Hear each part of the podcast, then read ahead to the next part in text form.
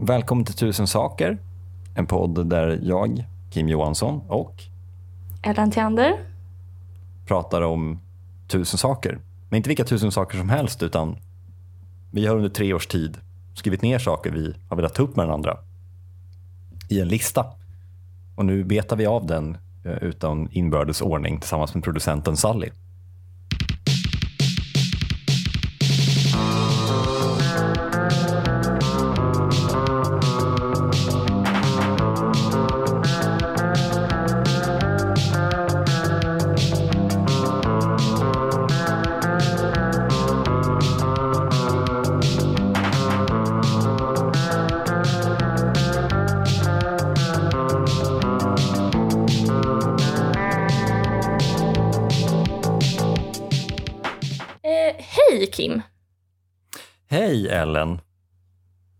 Idag?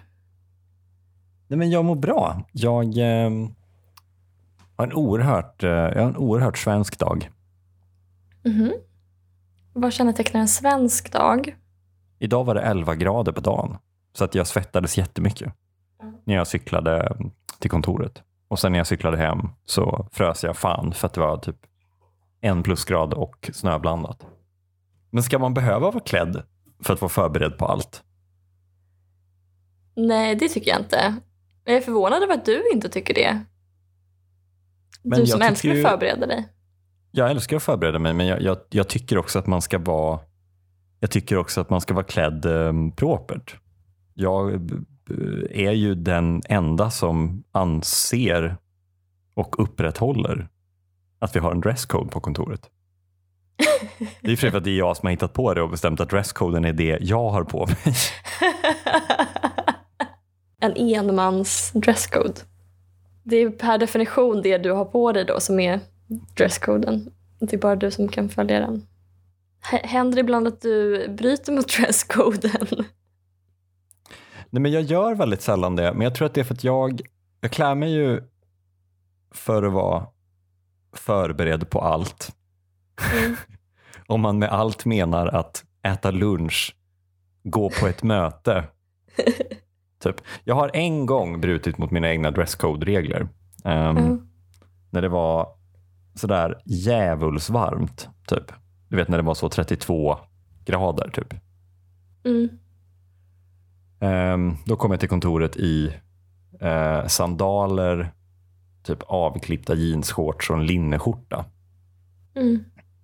Men då visade Fint. det sig på grund av en schemamiss att jag skulle till eh, regeringskansliet och lämna ett dokument just den dagen. Klädd så. Ja. Jag vet inte om du har tänkt på det, Ellen, men när man bär sandaler när man inte bör bära sandaler så blir man kall om fötterna på ett sätt som man aldrig har varit förut. Du verkligen känner vinden blåsa över dina exponerade tår, in emellan dem. Mm. In under tånaglarna. Över, liksom, man känner hur benhåren rör på sig av en isande vind. Vajar. Hur är det med dig? Ehm, det är bra. Jag hade handledning idag eh, för eh, att jag ska skriva uppsats. Då var det Mm. eh, dels min handledare och sen var det en annan person Mm. som ska skriva om ett liknande ämne som jag. Mm. Och då så, det här är min absoluta favoritprofessor och stora idol. Liksom. Eh, Otto Fischer heter han. Shout out. Precis som när man är kär, du vet, så liksom försöker hela, jag pratar väldigt, väldigt ofta om Otto och försöker liksom förmedla en bild av hur eh, underbar han är. Men det går liksom Ja. inte. Men i alla fall nu då så, så avbröt han mig för att eh, eh, börja klappa sin hund, eller han liksom lyfte in sin hund. Så att, och liksom, istället för att filma sitt ansikte så började han filma hunden. Ehm, och då, det som händer då är att den här andra personen som är med i mötet börjar filma sin hund, vilket är en likadan hund. Så att hundarna får hälsa på varandra och ha ett Zoom-möte. Och nej, och du har ingen hund längre. eh, Nej, jag har ju ingen hund. Ja, det var Påpekade faktiskt... du då att du brukade ha hund? ja, precis.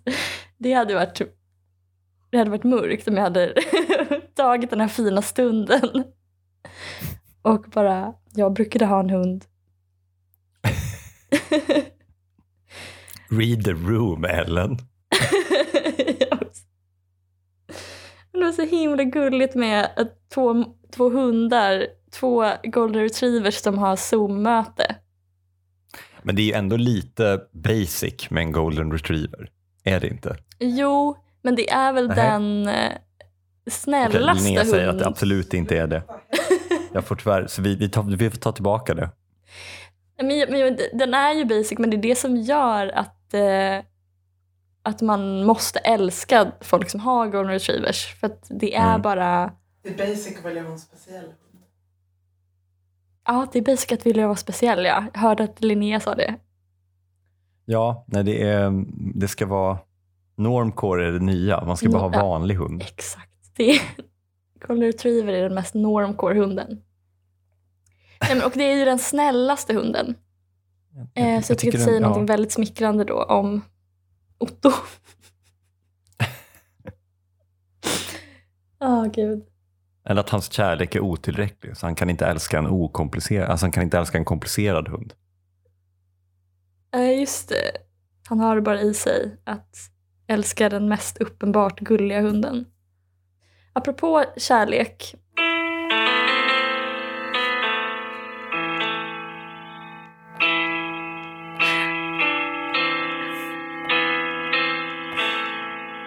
Ellens killproblem Mm, Hellens killproblem. Jag, jag har bara ett litet eh, pyttelitet... Eh, jag har bara en pytteliten, jag är bara en pytteliten tjej som har en pytteliten sak att säga jättesnabbt. Ska inte Om störa. jag får. Nej, men jag har bara ett eh, förhoppningsvis kort tillägg till det som jag pratade om för några veckor sedan. Om eh, eh, med Florens. Om du, du lyssnade ju på det avsnittet. Jag vet inte om du minns att jag pratade om Roland Barthes då. Och Mm. kärlekens samtal och den här moderna synen på kärlek respektive en traditionell syn. Mm. Bara ett tillägg till det är att eh, det finns ett till problem med kärlek i senmoderniteten. Eh, eller om det, är, det kanske är samma problem egentligen, jag vet inte. Eh, och det skriver Byung-Chul Han om.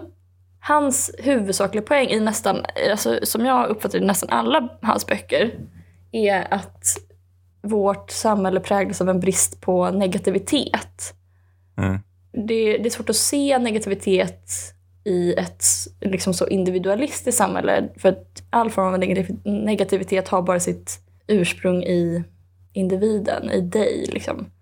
Så att om du är utbränd så är det för att du har inte gjort tillräckligt många solhälsningar ungefär. Och det liksom innebär ju att det är riskabelt att uttrycka negativitet. Och det, handlar, och det handlar också om att vi alla ska maximera det positiva i våra liv. Eh, och även i kärlek då. Men det, men det finns liksom ett inneboende problem i det för att det ligger liksom i begärets natur att vara negativt. Det är någonting du saknar och i motsats då till andra varor i, som du kan känna begär till så är det inte ett behov som kan fyllas eller som eller om det fylls så försvinner begäret. Och, där, och i kärlek så är ju själva begäret poängen eller, eller måste, måste stanna upp i en otillfredsställelse på något sätt. Och sen så innebär alltså kärlek innebär ju också massa risker och liksom du, du måste hela tiden stå ut med en rädsla för att bli lämnad eller liksom en risk för sorg. Och sen så för det han också skriver är att det är en extremt narcissistisk kultur och det går inte heller ihop med kärlek för att du måste erkänna liksom den andre. Om, om man är så intresserad av sig själv, alltså, då blir liksom den andra bara en, som en spegel för ens ego och eh, ett, ytterligare en arena för självuppfyllelse eller så här, en Mm. del av ens eget självförverkligande projekt. Men men det krävs att man erkänner den andra och uppskattar den typ för sin annanhet. Och också med dens alla negativa egenskaper. Man måste också, om man ska kunna uppskatta någon person eller se en annan person i, till fullo så innebär ju det att även erkänna negativiteten hos den andra. Det är liksom inte så bra, liksom inte så förenligt med sån marknadslogik. Alltså du måste maximera det positiva. Ja, men det blir väl inte, alltså i, i ett perspektiv där vi väljer eh, kärlek som vi väljer typ produkter. Mm. Det går inte ens att förklara med ord. Typ jag älskar den här cykeln. Eh, eh, den får också punktering varannan vecka. Och det älskar jag också med den. Mm. Ja, precis. Det öppnar ju dock, om man tar cykelexemplet och varierar det vidare, om man tittar på liksom hur män och kvinnor agerar i relationer som går åt pipan. Typ. Mm. Jag tänker ganska mycket på det här, kanske killar med commitment issues i 30-årsåldern som inte riktigt vet vad de vill. Typ. De, de Mm. känner att de vill, de vill shoppa vidare lite och kanske hitta något som är liksom verkligen perfekt. Allt Mm. de behöver och vill ha. Typ. Medan de har inställningen till en, och det är inställningen de har till människor, medan inställningen de har till prylar kanske är så här, men det var ändå min första bil. Den startar inte alltid, men jag, jag lägger mycket kärlek och tid på att laga den. Medan kvinnor Ja, i den typen av relationer är så här, Anders är jättefin, han, är, han, han ljuger ofta för mig och vet inte om han vill ha barn och kanske dricker lite för mycket. Men, men han var ju en, min enda sanna kärlek så jag ska försöka fixa honom. Ja. Men alltså, om, om bilen inte startar så bara bränn den. ja, just det. Jag vill ha en elbil. Alltså det som Marx kallar för reifikation. Eller om det ens är han som, kall, som hans, hans första kapitel i kapitalet handlar om varor. Och varufieringen av relationer. Hur liksom varufieringen i kapitalismen så griper omkring sig och varufierar allt. Och om det, om det är liksom vad Byung-Chul Han då säger att eh, kärlek varufieras så är det liksom att män istället kärlekifiera varor. Punkt 918. Vem är det som gör bowlinggrafiken? Och sen update. Jag har hittat dem som gör bowlinggrafiken. Och så en länk. Vem är det? Det är VBS Bowl. Det, det här är ju jag som har skrivit. Ehm, men det här måste ju vara någonting som alla svenskar har tänkt. Det tror jag inte. Vad gullig du är! Vänta, Linnea. Vill du göra en insats och beskriva bowlinggrafik? Går det att beskriva? Nej men alltså bara ett exempel liksom, på bowlinggrafik. Um, Vikingahatt. Allt ser ut som ett spel från 2002. Nej, men ut, ut i vårt avlånga land eh, så regerar ett eh, så kallat scoring system som kallas för Viking Scoring. Mhm. Eh, närmare bestämt Viking Scoring 3, vilket jag tror kommer från att det är i 3D. Men när du gör olika slag så får du också se en liten 3D-film. Mm. Och den här 3D-filmen, som Linnea säger, ser ut som någonting från ett spel från 2002. Det kanske är en kägla som typ viker undan och så står det mes och så har den en, ett ansikte. Ja men typ, de, det är liksom, vad säger man? Alltså när de, de är läskigt humana, eller de har liksom humana drag. Ja. Alltså, ja, de är liksom uncanny, men, men alltså käglor med, med mänskliga drag som liksom är i någon slags mardröms 3D-värld med vikingatema. Ehm, så att varje gång du har gjort någonting så liksom kommenterar de här 3D-filmerna du har gjort. Så, att, så det kanske är så att du eh, ja, du missar och då är plötsligt så är käglorna ute i vilda västern och ska skjutas i en duell. Och så precis när den ena käglan skjuter så hoppar den andra åt sidan. Lite gummiaktigt så här. Eh, och så står det i snurrande 3D-bokstäver. Mes. Typ. Ja. Eller så kanske det är om du träffar alla käglor så kanske det är en tjur som galopperar in och skrämmer alla käglor. Och så står det. Strike. Det är också vanligt att en kägla bara står och sen kommer en annan kägla med en, så här köttklyv och hugger den andra på mitten och så står det split. Typ. Ehm, Var det Det låter mycket så här att en kägla som liksom lyfter på en kjol. ja, just det. Det är en lite sexig tjejkägla. Fångar hon bowlingbollen där under? Jag kommer inte ihåg om det är att man missar. Det är lite knullig stämning där bland käglorna. Man, man vet inte riktigt vad som pågår. Eh, I alla fall då, frågan här är ju vilka är det som ligger bakom bowlinggrafiken? Mm. Och det, det är en fråga med flera lager. Vi har vilka är det som ligger bakom Viking Scoring 3? Mm. Och det är en fråga som vi kommer kunna gå till botten med. Mm. Men sen så har vi den bredare frågan. Det är inte bara Viking Scoring 3 som ser ut så här, utan det är väldigt mycket bowlinggrafik från andra leverantörer. Så någon har någon gång satt så här ser bowlinggrafik ut. Mm. Man vill verkligen ha en inblick i deras psyke, som sagt. Vi kan väl zooma in på den första delen då. Vilka är det som ligger bakom Viking Scoring? Mm. Och det är då VBS Bowling. Det är ett eh, litet bolag som eh, ligger i Västra Frölunda. Men eh, sidan är på blandad danska och svenska. Så det kan också vara så att de är danskar. Mm. Jag eh, gör som jag brukar och eh, stjäl information direkt. Jag läser högt från en hemsida och kallar det underhållning. Mm. Eh, Viking Scoring är utvecklat i Sverige med hänsyn på att uppfylla de behov vi har i Skandinavien. Vi har anställd personal till att konstant utveckla systemet och detta bara för att uppfylla de stigande krav som det idag finns på ett modernt scoring system. Det betyder också att supporten finns precis runt hörnan och alltid är tillgänglig. Ehm, Ja, vad, vad är det för behov? Behovet av att bovla som att det inte finns någon morgondag i en sexig, sexig vikingamiljö. Det är de behoven. Om inte jag får mina knulliga käglor när jag går och bowlar, då går jag hem. Det är de särskilda behov vi har i Skandinavien. De är ju de är lite kurviga, käglorna. Om jag inte får en liten käglinna som tar mig med kjolen, då vill inte jag bowla.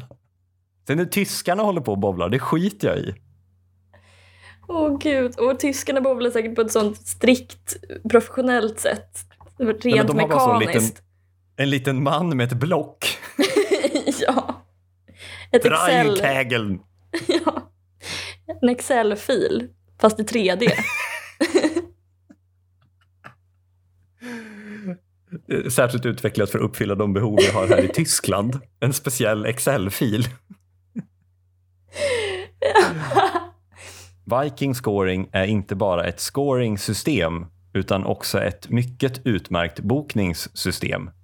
Du kan enkelt hålla ordning på dina bokningar med en mycket överskådlig översikt. Ni kan göra era egna bakgrundbilder till skärmarna så att det blir tillpassat till det arrangemanget eller sällskapet som spelar. Vilket företag eller födelsekalas skulle inte vilja se sin egen logo eller sitt eget foto när de spelar i din bowlinghall? Ett födelsekalas, är det en födelsedagskalas? Eller är det ett kalas för någon som föder? Och har man då en precis logo? födelse. ja, precis. Under förlossningen så har man ett litet kalas. med Viking Scoring 3. Punkt 613. När Harald jämförde bibliotek med Systembolaget är fortfarande rosenrasande.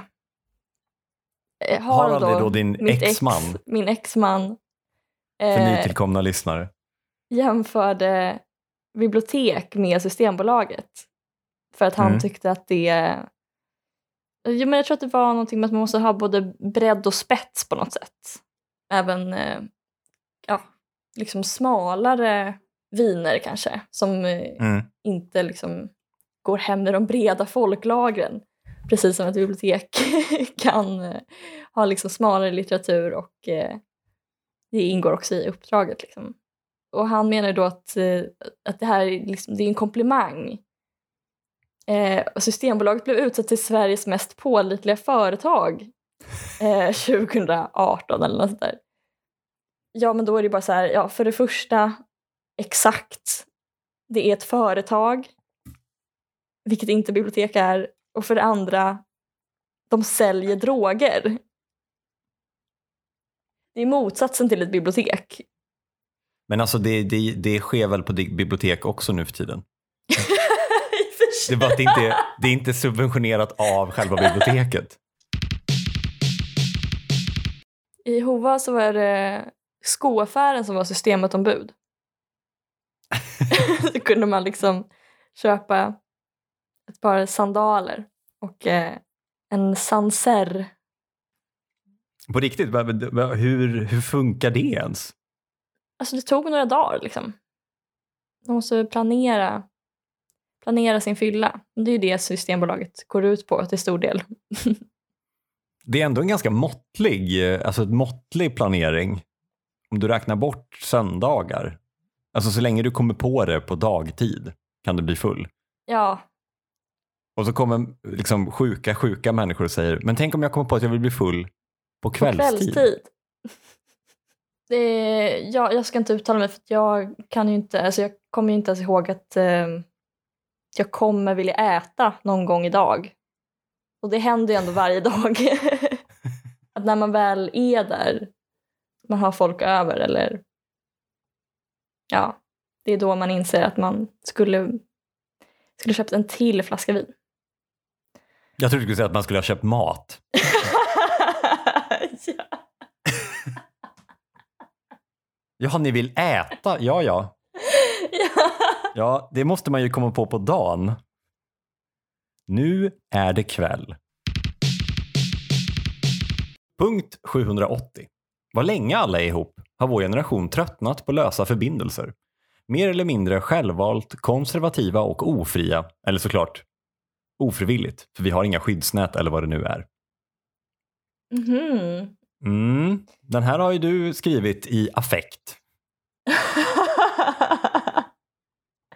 Man kan se utvecklingen. Det börjar med det här bråket om Systembolaget mellan mig och mitt ex.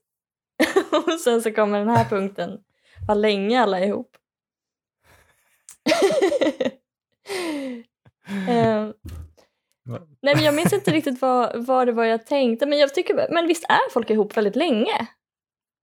Tycker du? Ja. Jag tycker folk... ehm, jag blir alltid lika chockad när folk är slut. Men för att det händer så sällan. Jag tänker väl bara att så här, man eh, utifrån tittar på människor som är ihop så är det ju alltså, lite som du sa i början av podden att man, man eh, de flesta av oss är ju liksom inte poeter eller författare och kanske inte så duktiga på att uttrycka exakt vad vi känner kring dem. Alltså, det är väl därför föräldrar lägger upp hundratals bilder på sina bebisar, för de känner så gränslöst, liksom, bara, gud det här är det mest fantastiska och underbara som har skett någonsin. Men sen är de liksom inte författare eller poeter, så de bara tar en bild och lägger upp och typ så, mammas ögonsten, typ. Alltså, Mm. Men om de var bättre lyriker Mm. eh, så skulle de ju säkert kunna ha skrivit, liksom, alltså försöka förmedla känslan Mm. eh, istället för bilden. För bilden säger ju oftast bara Lea, eller vad barn, Barn. nu heter. Barn, säger bilden. Mm. Som jag läste idag en, eh, i, i någon slags så samlingstråd där en, en eh, tjej på Instagram hade bett folk lägga upp berättelser om vad deras pappor hade gjort. Mm. Eh, Då skrev man att en pappa hade bara lagt upp en länk till bauhaus.se på Facebook. Det var liksom det enda han hade delat. Och Det kan ju vara ett sånt uttryck att han känner sån stark gränslös kärlek men kan liksom inte Det formulera får den i tala ord. för sig självt.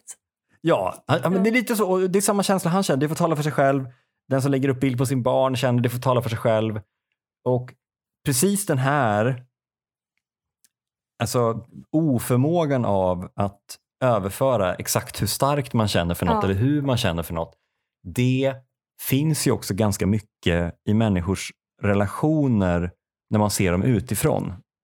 Du beskrev att du greps av panik över hur gulliga tänder Linnea har. Och det tycker jag fångar, alltså det säger allt. Alltså så här, det är det som är kärlek. Typ. Att så här, du liksom tittade på en halväten Mozartkula som René hade ätit och bara fick så cute aggression och bara hon har så gulliga tänder. det är liksom, tycker jag är en underbar bild. Ja, det fångar verkligen. Ja, men Någonting. tack. Du, ja, jo, men där, där, ibland skiner jag till. Mm. Ehm, nej men det är ju det, alltså den typen av, av känslor som två människor som är ihop känner för varandra. Vi som utomstående får ju aldrig hela bilden. Så att när de gör slut, eller när folk gör slut så upplever jag att jag både blir oftast chockad, men också förstår det. Mm. Och jag tror att jag förstår det för att jag inte kan ta in samma... Eh, jag förstår inte vad de känner för varann. Nej, Liksom. Man relaterar ju för att man bara, ja men jag, precis, jag hade inte heller velat vara ihop med den här personen. Nej men precis, och, och det blir så här när någon pratar om någon som de är kär i, eh, som de har struligt med eller som beter sig som en idiot så känner man ju bara varför är du med den personen? Han är en Mm. idiot. Mm. Men det är för att de inte kan, de kan ju liksom inte överföra hur de känner för den personen. Jag försöker beskriva, bara för att ha en anledning att prata om min professor så bara pratar jag om att han hämtar en dosa snus. och förväntar mig att det ska liksom förmedla min känsla. Förstår ni hur mycket jag älskar honom? Och vi, vi, och vi, vi hänger med. Han hämtade en snus, hör du? Hör du det? Vad gulligt. Han snusade den säkert också.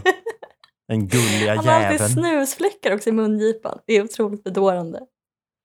Ja, men först, förstår du vad jag menar? Och, Mm. och, och då tror jag att man, när folk är slut, att man blir, man blir chock, alltså man blir eh, inte så chockad för att man är så här, men, ja, men ni, känner, alltså, ni känner ju inte för varandra som jag känner för min partner. Samtidigt som man blir ledsen och chockad över att entiteten, alltså de som par, försvinner. För det Mm. kan man ju ta in. Det kan man ju se utifrån och greppa liksom deras samspel och sådär. Men Mm. det blir ju bara en, en, en, en uttolkning av eller en, en liksom färdriktning eller en vindflöjel som rör sig i vinden. Men vi kan ju inte se själva vinden eller känna den. Vi kan bara se vindflöjeln som rör sig. Det är ett brott mot ens vana liksom. Det är kanske lite mer som man känner när de bygger om en gata man brukar cykla ofta. Mm. Jaha, Men det, alltså det är ju ett friskhetstecken. Det är, väl jätte, det är väl jättebra att folk är ihop länge. Och just eh, att i motsats då till vad jag pratade om, om kärlek, att det är omöjligt i senmoderniteten. Det är det uppenbarligen Mm. inte alls. För att eh, ja, folk eh, har väl eh, liksom också genomskådat den, alltså liksom konsumtionsförhållandet eh, relationer. Alltså det är inget eftersträvansvärt att liksom konsumera människor. Men vad menar du mindre? Du menar också så självvalt och ofria, skriver du.